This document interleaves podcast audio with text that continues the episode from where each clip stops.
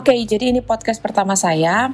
Uh, kemarin waktu nulis di WordPress ditawarin mau nggak di link sama akun podcast Anchor gitu dan uh, saya coba link dan ternyata di sana tuh udah ada draft dari tulisan-tulisan saya dari awal banget gitu. Jadi uh, karena tulisan saya bahasa Indonesia jadi nggak bisa langsung convert ke audio jadi aneh banget gitu. Jadi ya kalau misalkan saya mau bikin podcast harus direkam satu-satu, harus saya merekam diri sendiri dan kemudian di post gitu. Nah, uh, post kali ini tuh tentang sorry tentang kesabaran dan toleransi. Jadi kemarin tuh sempet uh, adik saya tuh telepon, eh bukan WA, dia bilang gini, saya kok nggak sabar ya uh, belakangan ini sama orang-orang yang ngomongnya lambat. Nah, Terus uh, saya pikir-pikir saya juga kadang-kadang atau bahkan sering gitu ya, makin lama makin tua makin gak sabaran.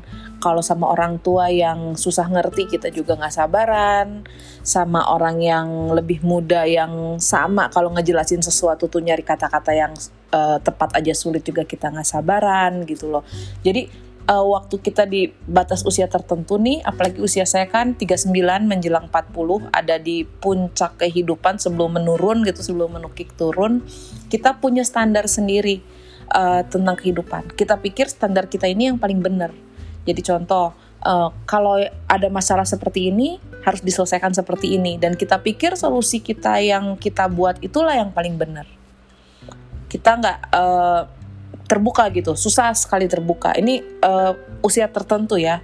Memang semakin tua ada dua kemungkinan orang semakin menjadi arogan atau semakin bijak gitu.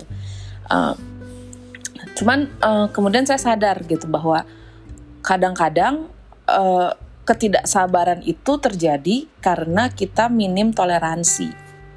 Artinya uh, mungkin bukan mungkin sih menurut saya uh, toleransi dan kesabaran itu punya perbandingan yang terbalik. Makin tinggi makin tinggi ketidaksabaran atau makin rendah kesabaran lebih tepatnya, makin rendah kesabaran kita, maka kita harus mengusahakan toleransi semakin tinggi. Kita harus ingat bahwa dulu waktu kita muda juga mungkin kita mengalami kesulitan yang sama. Kita sulit mencari kata-kata, kita sulit menjelaskan ke orang yang lebih tua, kita sulit untuk memahami sesuatu karena kurangnya pengalaman. Begitu juga nanti waktu kita tua, kita akan kesulitan untuk memahami teknologi yang baru, kita akan sulit uh, mengejar ketinggalan dengan yang lebih muda. Dan karena itu maka kita harus di usia kita sekarang ini yang sedang dalam puncak kehidupan sebelum menukik turun, kita harus bertoleransi kepada mereka yang sudah jauh lebih tua maupun yang lebih muda gitu.